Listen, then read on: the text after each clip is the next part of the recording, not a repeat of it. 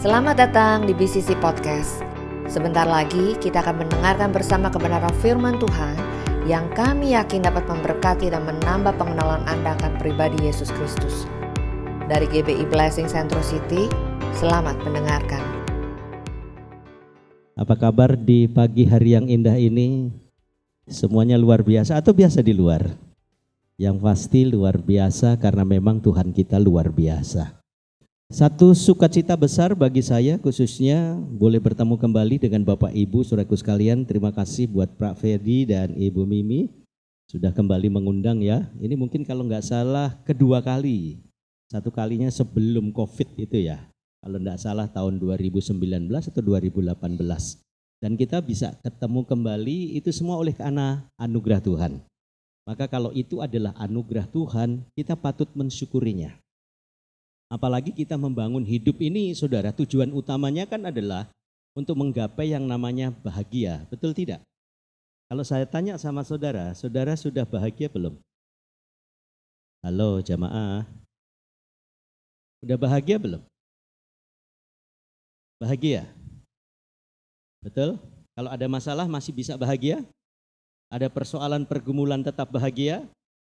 Atau ke bawah keadaan?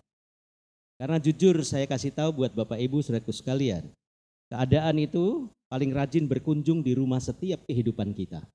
Saudara siap atau tidak siap, maka persoalan pergumulan itu selalu siap untuk berkunjung di rumah kehidupan kita.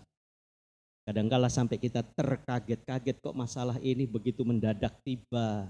Kok ada persoalan ini, suami kok makin beda, istri kok makin beda. Ini keluarga ini gimana ini ya kan? Kita udah menikah 5 tahun, 10 tahun, 15 tahun, 30 tahun. Kok masalah ini-ini aja enggak selesai-selesai. Dan kadangkala keluhan-keluhan itu muncul. Padahal saudaraku sekalian, Tuhan menghendaki agar supaya hidup kita hidup dalam sebuah kerukunan. Dari kerukunan itulah berkat Tuhan itu akan dilepaskan buat kita. Amin. Nah, Hari ini izinkan saya menyampaikan tema ini, saudara hidup dalam kerukunan. Maka di layer yang kedua, Mazmur 133 ayat 1 sampai dengan 3, kita akan baca karena ini adalah ayat, cuma tiga ayat. Ini adalah ayat paling pendek nomor dua setelah 134. Kalau saudara baca, ini adalah pasal yang paling pendek Nomor dua setelah pasal 134 dalam kitab Mazmur. Kalau ayat yang paling pendek juga ada. Masih ingat ada di mana? Ayat yang paling pendek. Hanya dua kata.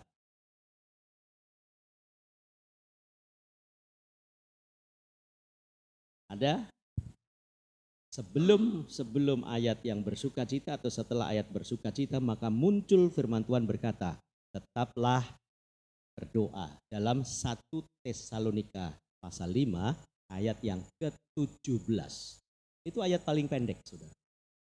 Tetapi maknanya begitu dalam. Tetapi ini dulu kita akan pelajari bersama-sama, kita akan bahas bersama-sama, kita akan nikmati bersama-sama dan kita akan taati bersama-sama. Yang setuju bilang amin.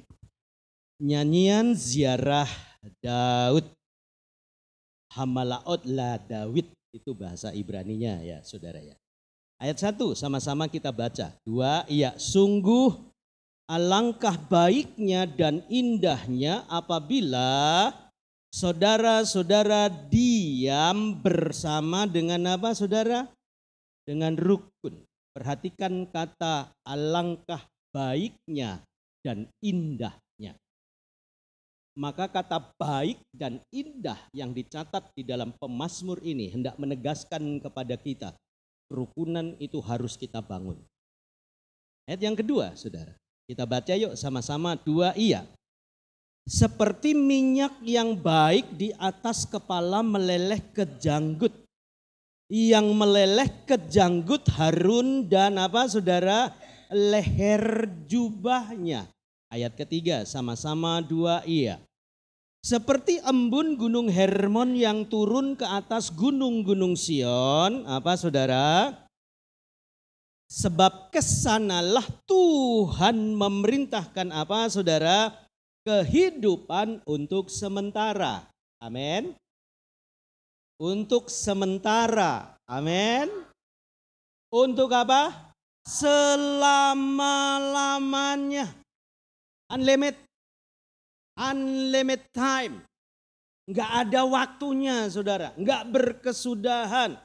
Maka berkat yang diperintahkan oleh Tuhan itu kekal sifatnya. Makanya pada saat kita menikah ya Bapak Ibu saudaraku sekalian ada yang disebut dengan komitmen. Maka komitmen ini saudara harus kita pegang baik-baik karena ini adalah awal perjanjian pada saat kita menikah.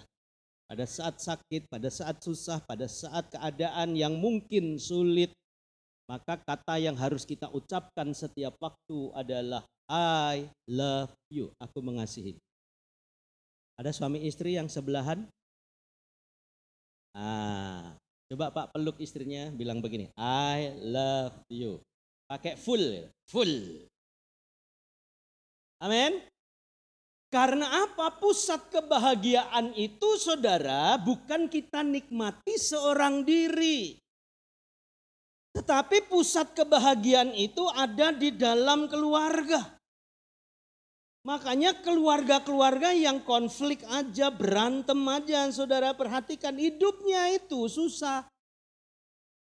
Dia akan kehilangan yang namanya bahagia. Padahal Tuhan telah lepaskan bahagia itu juga di dalam setiap hati kita. Maka pada saat engkau memiliki cinta, engkau memiliki kasih saudara. Itu adalah surga kecil yang Tuhan taruh di dalam hatimu. Dan pada saat engkau mencintai pasanganmu, mencintai keluargamu, engkau akan disebut sebagai orang-orang yang berbahagia. Contoh sederhana begini. Kalau saudara tinggal di kompleks atau misalnya di rumah, geremis-geremis gitu ya saudara, hujan-hujan. Ini kan musim hujan nih. Terus pada saat saudara duduk di teras rumah, kemudian sambil kumpul bersama keluarga, saudara sediakan di situ. Cemilan, cepuluh, cebelas ya kan? saudara makan, saudara minum. Orang lain melihat saudara begitu, itu pasti akan menilai bahwa hidup saudara itu bahagia. Terus saudara lihat tetanggamu yang yang lain di sebelah gitu, lihat juga sama kumpul. Suami istri kumpul. Mungkin menunya berbeda, tetapi teh kopi ya sama gitu ya, kopi susu sama. Begitu diminum, kemudian mereka bercengkerama, ada tawa di sana, ada kehangatan di sana saudara pasti menilai, ih keluarga itu bahagia. Tapi begitu saudara lihat juga sebelahnya sama saudara. Tapi nggak ada siapa-siapa cuma satu orang. Dia menikmati cemilan yang sama, kopi susu, kopi teh manis. Terus kemudian dia makan, habis itu dia minum, dia ketawa. Nggak ada temannya. Dia sedang mengutarakan kebahagiaannya. Tapi saudara menilai pasti berbeda. Kenapa? Karena dia hanya tertawa seorang diri. Tidak ada siapa-siapa, tiba-tiba dia tertawa. Saudara pasti akan menilai orang itu wes dan. Betul ya? Gila ini orang ketawa sendirian. Kenapa? Jangan-jangan udah kesambet nih. Artinya apa? Artinya begini. Pada saat engkau memiliki cinta, pada saat engkau memiliki kasih, dan cinta kasih itu tidak kelihatan, tetapi engkau bisa praktekkan. Dan cinta itu bisa dirasa oleh pasanganmu, oleh suami, istri, orang tuamu, dan anak-anakmu. Di situlah Tuhan lepaskan berkat untuk selama-lamanya. Karena pada saat itulah proses yang namanya kerukunan. Be unity. Itu dalam bahasa Inggrisnya diterjemahkan seperti itu. Ada satu kesatuan yang indah pada saat di dalam keluarga ada satu kesatuan yang indah yang isinya adalah kerukunan, maka percayalah saudara, hari ini engkau rukun, catat baik-baik tanggal ini. Maka engkau akan merasakan bulan depan, dua bulan depan, tiga bulan depan. Itu apa yang akan terjadi? Yang terjadi adalah sebuah kelimpahan. Kelimpahan itu bukan hanya bicara tentang cien, fulus, duit, hepeng, yotro, doi tapi bicara tentang kebersamaan dan kehangatan. Kenapa saudara? Alkitab mencatat pada saat kita rukun alangkah baik dan indahnya. Itu pemandangan yang indah di mata Tuhan Karena yang mempertemukan pernikahan antara Adam dan Hawa itu adalah Allah itu sendiri. Maka Allah berfirman tidak baik kalau manusia itu sendirian. Kita ciptakan penolong. Adam tertidur diambil dari tulang rusuknya dan dagingnya. Dibangunlah seorang yang bernama Hawa. Adam dari kata hadamah itu artinya tanah. Hawa itu berbeda. Artinya apa? Bukan penolong, artinya adalah perempuan. Jadi antara manusia Adam hadamah dari debu tanah, tetapi kata Adam itu sendiri artinya adalah manusia. Dipertemukan dengan pasangannya, kalimat yang keluar di dalam pasal yang ketiga dalam kitab kejadian, Adam ngomong begini, inilah daging dari dagingku dan tulang dari tulangku. Artinya kalau Hawa menyakiti, eh, Adam menyakiti Hawa, dia sedang menyakiti dirinya sendiri. Seorang suami menyakiti istrinya, dia sedang menyakiti diri sendiri.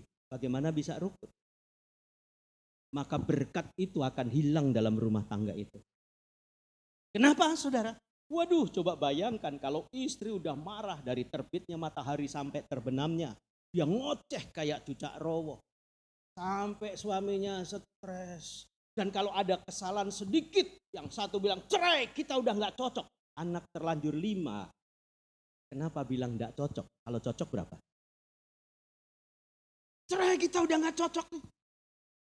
Aduh saudara, Jangan pernah mengucapkan kata cerai karena itu kejijikan di mata Allah. Betul? Baca kitab Maleakhi. Allah jijik terhadap perceraian. Betul tidak? Ya, jangan pernah mengatakan sesulit apa pun saudara, engkau hari ini masih bisa makan nasi kan? Tidak makan batu kan? Halo jemaah? Makan nasi kita saudara. Masih makan nasi. Oh bilang cerai, udah nggak cocok. Dia ngomong sama anaknya, hari ini papa sama mama mau cerai. Kalian mau ikut siapa? Kamu mau ikut siapa? Ikut papa atau ikut mama? Anaknya langsung nangis, dia kejar mamanya, dia peluk kakinya sambil berkata, aku mau ikut mama. Anak yang satu dia tanya, kamu mau ikut siapa? Mau ikut papa atau ikut mama? Anak ini juga tersungkur, dia nangis, dia teriak, aku mau ikut mama. Papanya langsung bilang begini, baik kalau begitu. Kalau kalian ikut mama, papa juga mau ikut mama. Konflik selesai. Artinya apa? Manusia diciptakan oleh Tuhan untuk mampu memproses hidupnya. Sehingga proses hidupnya penuh dengan berkat-berkat Tuhan. Bisa tepuk tangan saudara? Tujuan utama kita seperti itu, alangkah baiknya. Kemudian dalam keluarga itu yang jadi imam siapa? Yang jadi imam harusnya suami. Karena tugas imam itu adalah membawa semua keluarganya untuk dekat kepada Tuhan, bukan malah menjauh. Betul tidak? Coba lihat ayat yang kedua tadi. Seperti minyak yang baik di atas kepala meleleh ke janggut, meleleh ke janggut Harun dan ke leher seperti minyak. Karena zaman itu saudara pengurapan minyak itu hanya dilakukan oleh imam kepada raja, kepada nabi, kepada rasul termasuk proses pemilihan imam. Minyak di sini bicara tentang minyak urapan, ini bicara sebuah ketetapan. Maka kalau Allah telah menetapkan imam itu, maka imam itu harus membawa umatnya semakin dekat dengan Tuhan. Kalau imam dalam keluarga itu adalah suami, maka tugasmu Pak adalah membawa seluruh keluargamu untuk dekat kepada Tuhan. Bukan malah sebaliknya. Betul tidak? Supaya minyak ini, ketetapan Allah ini tidak pernah hilang dalam hidup.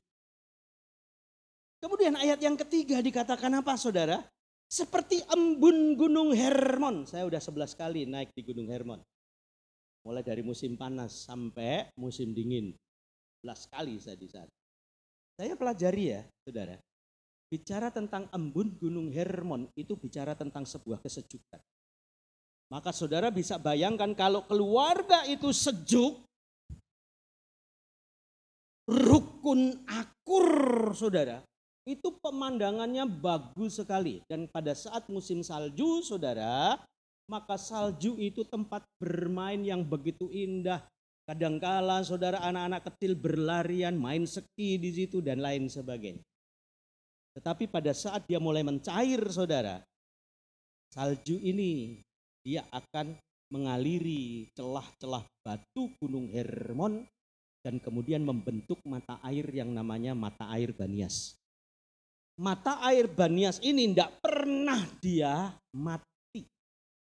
Selalu ada air mau musim panas, musim paceklik. Air ini tetap mengalir. Dan firman Tuhan bahwa berkat itu turun dari gunung Hermon Gunung Hermon itu adalah gunung yang tertinggi di Israel. Tingginya kurang lebih 2314 meter di atas permukaan laut. Jadi saudara berkat ini dilepaskan itu dari atas ke gunung-gunung Sion. Sion itu bicara tempat ibadah atau peradaban ibadah bangsa Israel kala itu. Maka berkat dari tempat ini selalu turun dari atas ke bawah. Maka tidak mungkin berkat itu dari bawah ke atas. Betul tidak? Contoh, sederhana saja. Saudara mandi pakai gayung, pakai shower, itu pasti dari atas ke bawah. Baru semuanya bisa basah. Betul tidak? Halo? Baru semuanya bisa bersih. Tidak mungkin saudara siram kaki langsung naik ke atas. Kan nggak mungkin ya. Ya kan? Dari atas ke bawah gitu. Jadi artinya berkat itu datangnya selalu dari atas. Dari siapa? Dari Tuhan. Dari siapa? Dari Yesus. Karena Yesus senantiasa menyertai kita sampai kesudahan zaman. Bilang amin.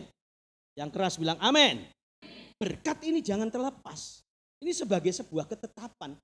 Maka orang yang ada di dalam Tuhan saudara, itu tidak akan pernah kekurangan hal-hal yang baik. Dan itu adalah janji Tuhan. Bilang amin. Iya, jangan sampai kita melepaskan berkat yang Tuhan telah tetapkan dalam setiap kehidupan kita. Itu adalah bentuk kerugian, saudara. Rugi.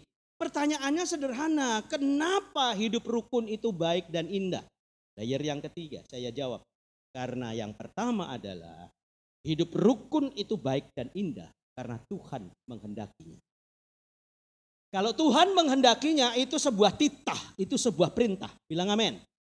Maka orang yang taat kepada Tuhan tidak perlu tanya kepada Tuhan. Tuhan kenapa kok ini terjadi? Saya udah susah kayak begini. Kayaknya tidak ditolong. Saya udah doa, doa, doa. Tetapi jawabannya tidak muncul-muncul. Saudara, jangan pernah ngatur Tuhan. Betul? Jangan pernah ngatur siapa saudara? Jangan pernah ngatur Tuhan. Karena Tuhan itu tidak pantas diatur oleh ciptaannya. Tuhan itu terlalu sanggup untuk ngatur dirinya sendiri. Amin. Haleluya. Betul tidak? Ya kita siapa? Kita ini ciptaannya kok saudara. Kalau kita ini ciptaannya, maka tugasmu dan tugasku adalah taat kepada Tuhan. Enggak usah tanya Tuhan hidup saya kok susah begini sih Tuhan.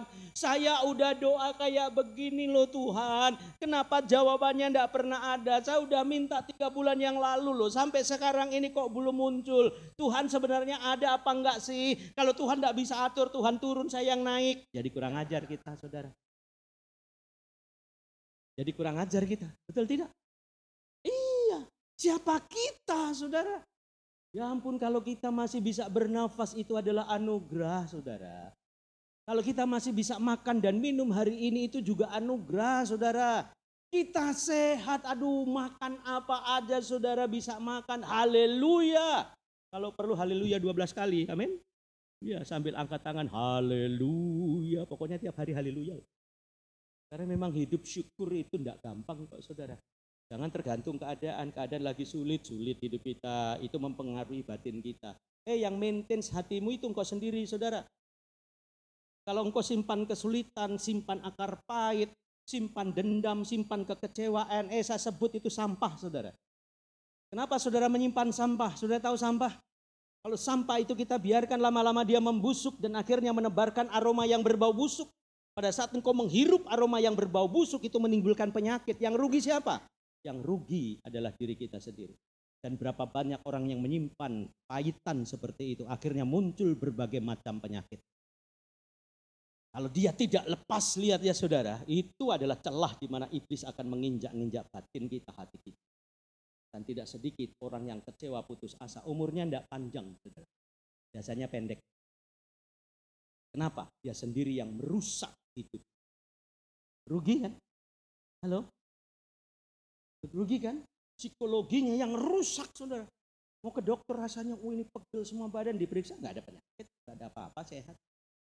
Yang sakit apa? Yang sakit jiwanya. Sakit.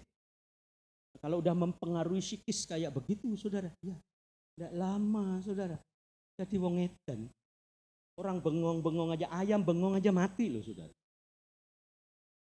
Iya, kita bengong gitu ya kan, saudara. Nggak jauh-jauh sama keluarganya dibawa ke Grogol situ tuh, Yayasan Har apa Soeharto.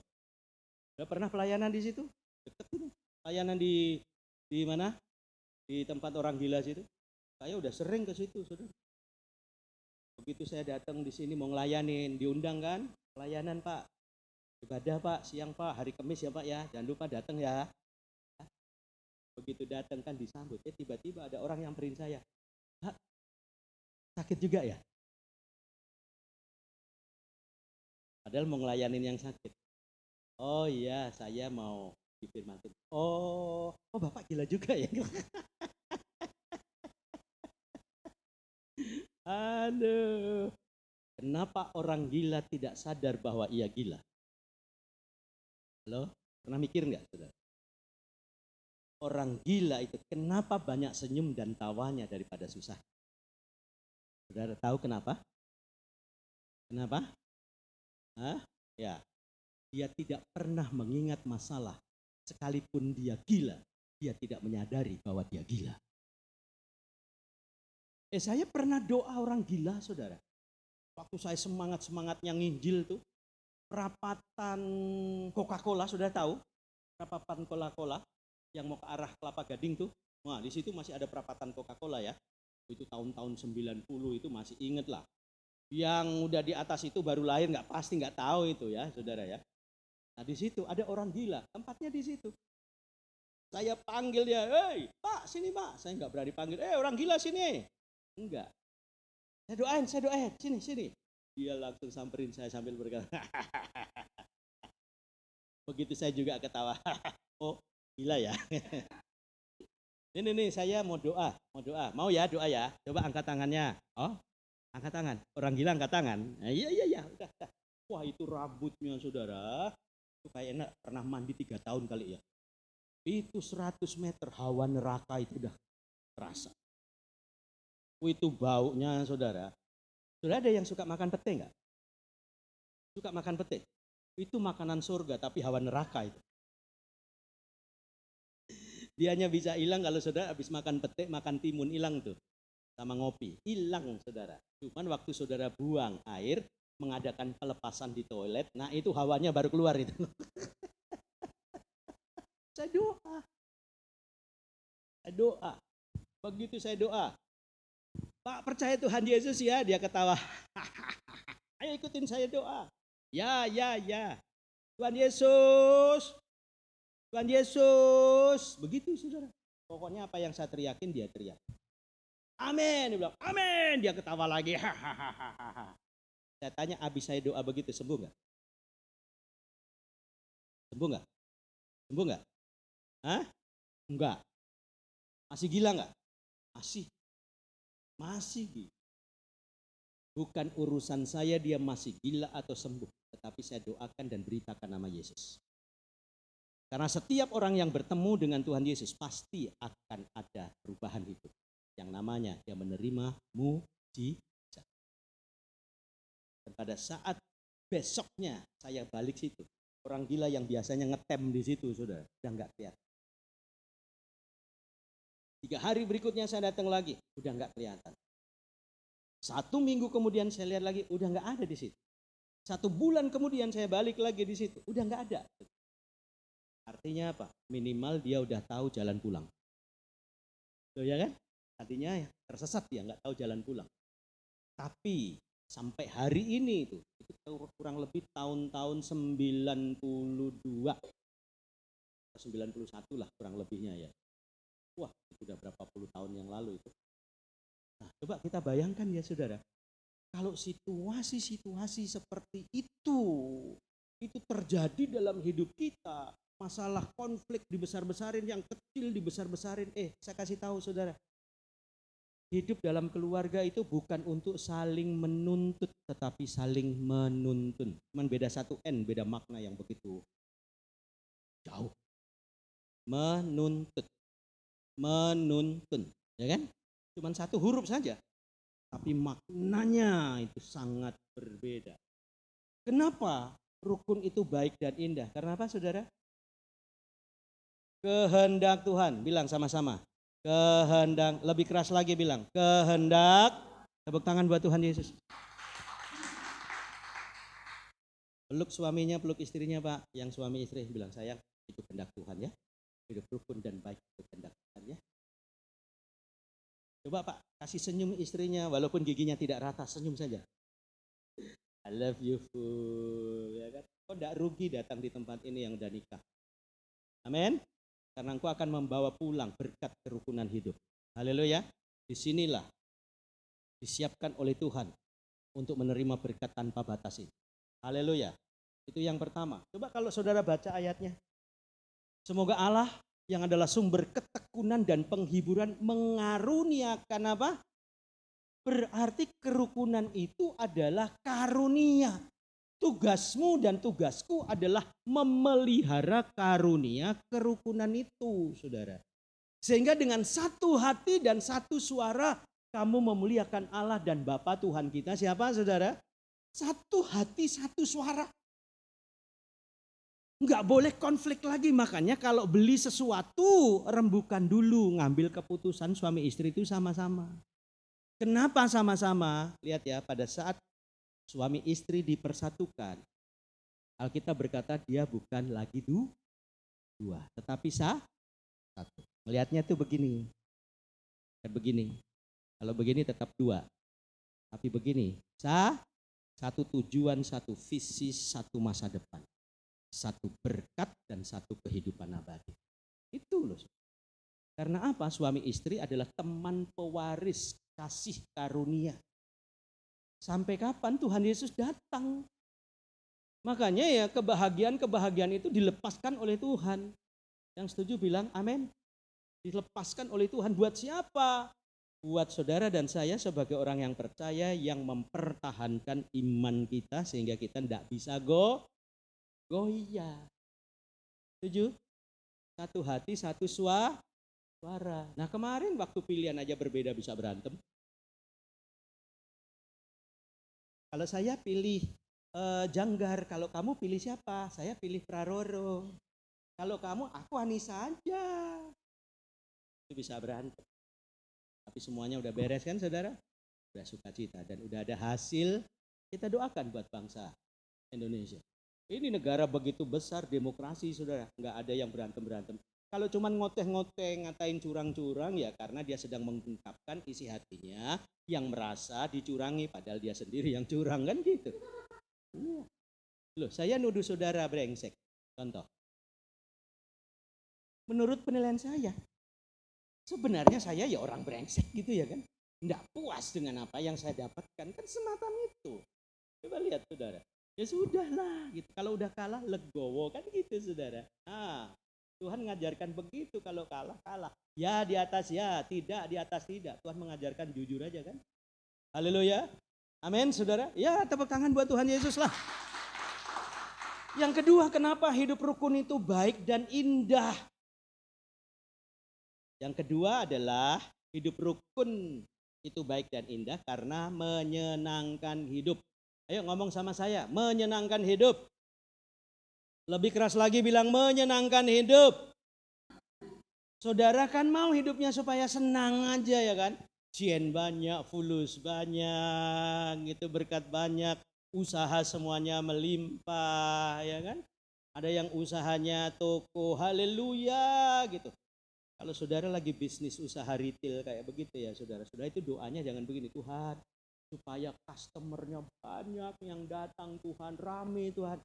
Kalau customer datang banyak dan rame dia cuma pegang-pegang doang dan nawar doang kan percuma. Bikin capek kan? Halo? Eh saudara mikir baik-baik nih, bener nih. Saya ajarin motivasi untuk mengerti rencana Tuhan yang indah itu. Saudara kenapa nggak berdoa begini Tuhan biar satu atau dua orang saja masuk ke rumah tapi dia uh, masuk ke toko saya tetapi dia borong semua haleluya ya, betul tidak udah ditawar-tawar Ci berapa Ci 150 25 aja ya. Pusing. Tiap hari digituin pusing sudah. Sudah mengganggu ya kan? Mengganggu. Nah semua media itu bisa kita gunakan untuk apa? Mengiklankan produk kita. Dan itu free of charge. Gunakan kesempatan itu. Sehingga kalau nggak ada nggak ada oh kelihatan itu toko ini Kayaknya nggak ada pembelinya. Enggak udah disetorin semua ya kan. Mereka udah pesen lewat telepon aja. Nggak perlu datang kayak toko tradisional begitu datang rame. Tapi nawarnya ya ampun rame juga gitu ya. Yang akhirnya muncul sakit hati. Ada cil lu nawar udah nggak usah lah lihat lu udah nek gua. Nawarnya begitu gila. Dari harganya aja gua ambil nggak begitu lu nawar di bawah harga gimana sih akhirnya malah berantem. Hati nggak tenang. Hidup tidak menyenangkan tapi hadir sebuah kesusahan. Mau begitu? Enggak kan? Kita dalam usaha dan pekerjaan maunya hidup kita senang, tenang, tentram, berkat melimpah. Bukan berarti kita malas, saking rajinnya kita berdoa. Tuhan juga berperan dan mempromosikan semua usaha kita. Setuju? Haleluya. Iya. Jangan cuma mimpi hayal supaya berkatnya melimpah. But do nothing. Hayai centai pong cecilang Haleluya. Iya. Do nothing.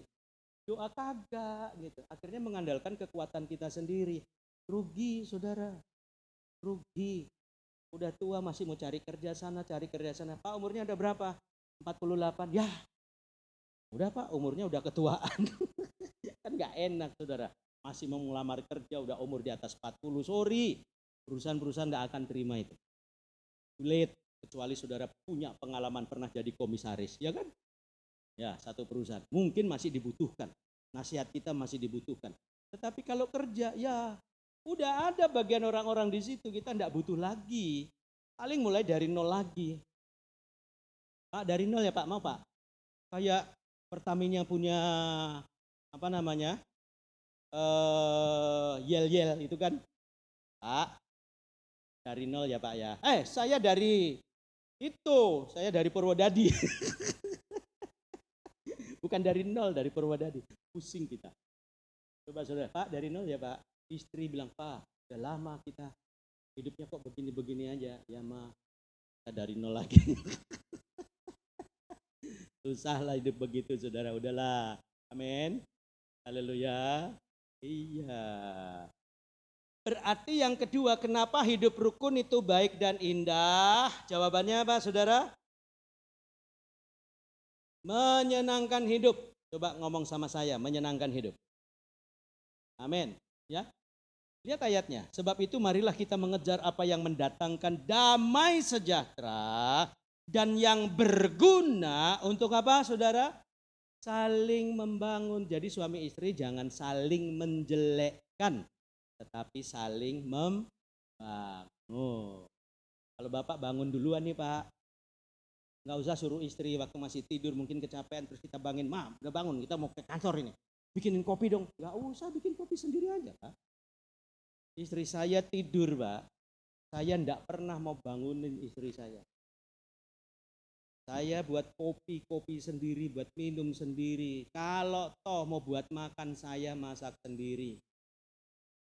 Saya tidak pernah mengganggu karena pada saat istri saya tidur, eh siapa tahu dia kan lagi bermimpi itu saudara. Mimpinya punya rumah 15, mobil 17 gitu kan. Begitu kita bangunin gitu ya kan kebahagiaannya langsung hilang. kan kasihan. Jangan langsung dibangunin kalau perlu dinyanyiin. Hello, is it me you looking for? Cause I want the way you are. Ada yang tahu lagi itu? Ibu Mimi tahu lagu itu ya? Ah. Udah tahu ya lagu Pak yang main keyboard tadi Pak siapa? Ah Pak Stefanus. Ah tahu lagu itu Pak? Ah ketahuan umurnya udah berapa kan?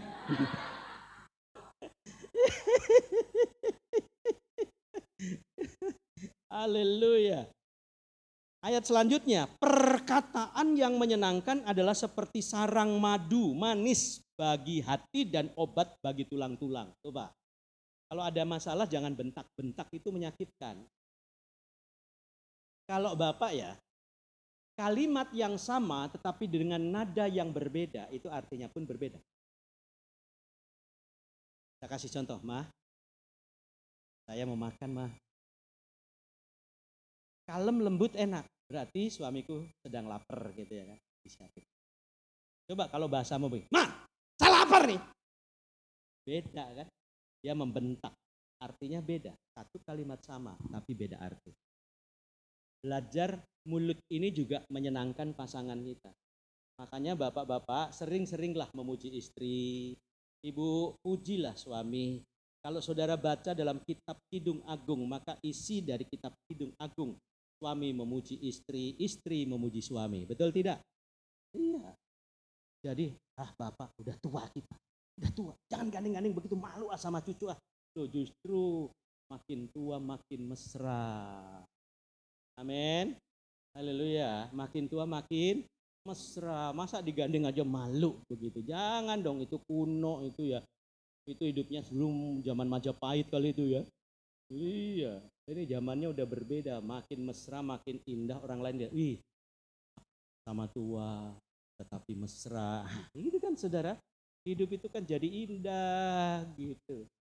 Jangan kalau berantem udah, waduh, saudara tahu ya, kalau saudara lihat Ayub, Ayub justru di tengah-tengah kesusahannya dia bertemu dengan Tuhan. Di tengah-tengah kehilangan dan kehabisannya justru dia bertemu dengan Tuhan. Alkitab mencatat dia orang yang paling kaya di timur. Pernah baca ayatnya? Terus ayat-ayat pasal pertama dituliskan Ayub adalah orang yang jujur, takut akan Tuhan, menjauhi kejahatan, orang yang saleh. Lihat predikat rohaninya itu perfect, sempurna. Tetapi pada saat diuji oleh Tuhan, habis semuanya. Sampai dia kehilangan kesehatan.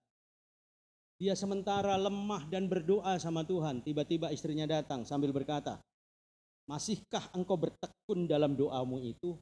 Kutukilah Allahmu dan matilah engkau. Coba Pak, Bapak punya istri model begitu. Seperti istrinya Ayub. Sementara udah keadaannya udah susah, lemah gitu ya. Kita berdoa, Eh istri datang nyamperin begitu. Kira-kira, kira-kira Pak, kalau istrimu model begitu Pak, reaksimu gimana?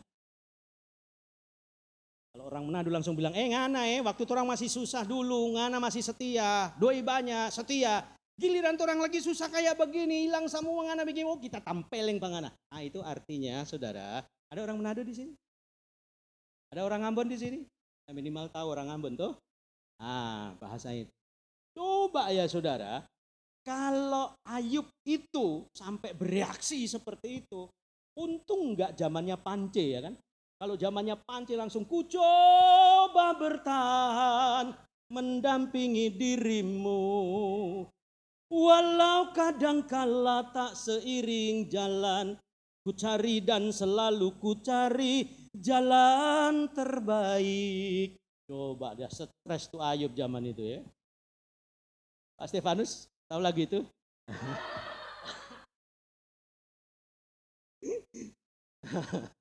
Ketahuan ya umurnya udah berapa gitu ya kan? Aduh, saudara, untung Ayub gak begitu. Dia cuma ngomongnya lembut. Masakan yang baik dari Tuhan yang kita terima. Sedangkan yang buruk tidak. Nah, artinya saudara, keadaan baik dan buruk itu harus kita terima Kadangkala di situasi yang sulit Tuhan sedang melatih otot-otot iman kita supaya kita menjadi kuat. Tepuk tangan buat Tuhan Yesus. Dan yang terakhir saudara, yang ketiga, kenapa hidup rukun itu baik dan indah? Karena hidup rukun itu mendatangkan ketenangan dan ketentraman. Di mana ada kebenaran di situ akan tumbuh damai sejahtera. Dan akibat kebenaran ialah ketenangan dan ketentraman untuk selama-lamanya. Garis bawahi kata kebenaran. Kebenaran kita dan kebenaran Tuhan itu, sorry, itu sangat berbeda. Kadangkala kalau kita dirundung oleh berbagai kesulitan kita udah doa sambil nangis, nangis, nangis, nangis. Saudara, saya kasih tahu ya, tidak perlu melakukan hal itu. Kenapa? Engkau harus ketahui bahwa dia adalah Bapak kita dan kita adalah anaknya. Betul tidak? Tidak usah kita merengek-merengek seperti seorang pengemis. Kita bukan anak-anak pengemis. Kita adalah anak-anak raja. Sudah pernah ke perapatan-perapatan jalan lihat waktu orang ngemis? Waktu lampu merah, saudara disamperin. Saya sering disamperin gitu kan. Apalagi hari Minggu habis pelayanan, eh tiba-tiba di lampu merah dulu. Sekarang nggak banyak yang nggak kelihatan ya orang-orang minta-minta ya. Udah habis kayak dulu. Tiba-tiba ada orang om. Om. Tiga hari belum makan di McDonald om. Om. Please Tiga hari belum makan di KFC nih, di Dan Mogot om, tolong dong, please. Ini di sebelah sentro sini. Saudara ngasihnya berapa? Ngasihnya berapa? Kasih gope. Begitu kita kasih, dia protes gak? Gak. Om, KFC om, KFC om, minimal 50 ribu om sekali makan om. Masa cuman kasih gope? Pikir dong, kita akan bilang, eh lu siapa? Anak bukan saudara bukan enyah dari hadapanku, hei engkau pembuat kejahatan. Karena masih lampu merah, temannya datang lagi kan saudara, pakai ecek-ecek dia nyanyi. Aku tak mau jikalau aku dimadu. Ah, ah, pulangkan saja ke rumah orang tuaku. Baru saja kau berkata cinta, kok mau kawin lagi, kok mau kawin lagi. Om, Tante, udah om. Sudah ngasihnya berapa? Masih gope? Ngasihnya berapa? Tiga ribu? Dua ribu? Dia langsung terima dua ribu. Tante, saya menghafal lagu itu tiga bulan, masa ngasih dua ribu? Dia nggak bisa protes. Karena apa? Kita punya hak untuk memberi berapapun yang kita mau dan dia terima berapapun yang harus dia terima. Betul? Hukum kebenarannya begitu. Betul tidak? Tiba-tiba karena masih lampu merah saudara, ada lagi yang ngamen. Pakai ukulele yang kecil, gitar kecil tuh. Dalam Yesus kita bersaudara. Dalam Yesus kita bersaudara. Dalam Yesus kita bersaudara sekarang dan selamanya dalam Yesus kita bersaudara. Om sudah om, ngasihnya berapa? 10 ribu ya, 10 ribu. 50 ribu. 10 ribu ya Bu Mimi ya. Begitu dia terima 10 ribu, dia cium itu apa namanya uang. Dia lambaikan, terima kasih, Alhamdulillah. Nyesel nggak? Kembaliin 9 ribu please. Salah gua. Lihat ya, kebenaran manusia sangat berbeda dengan kebenarannya Tuhan. Makanya engkau jangan pernah memandang sebuah kesalahan dalam titik kecil dalam hatinya Tuhan. Haleluya. Iya, karena kebenaran itu yang mendatangkan ketentraman dan ketenangan hidup. Bukankah itu yang saudara cari? Halo jemaah. Amin. Ya udah, itu aja lah saudara. Sukses buat saudara, maju terus. Dan Yesus memberkati. Kalau ada sumur di ladang, izinkan saya numpang mandi. Kalau umur kita panjang, pasti kita ketemu lagi. Ayo kita bangkit berdiri, tepuk tangan yang meriah buat Tuhan Yesus. Terima kasih telah mendengarkan BCC Podcast. Kami berharap firman Tuhan hari ini memberkati dan menguatkan Anda lebih lagi. Untuk informasi lebih lanjut mengenai GBI Blessing Centro City, Anda dapat mengaksesnya melalui Instagram at Blessing Centro City. Sampai bertemu di BCC Podcast minggu depan. Tuhan Yesus memberkati.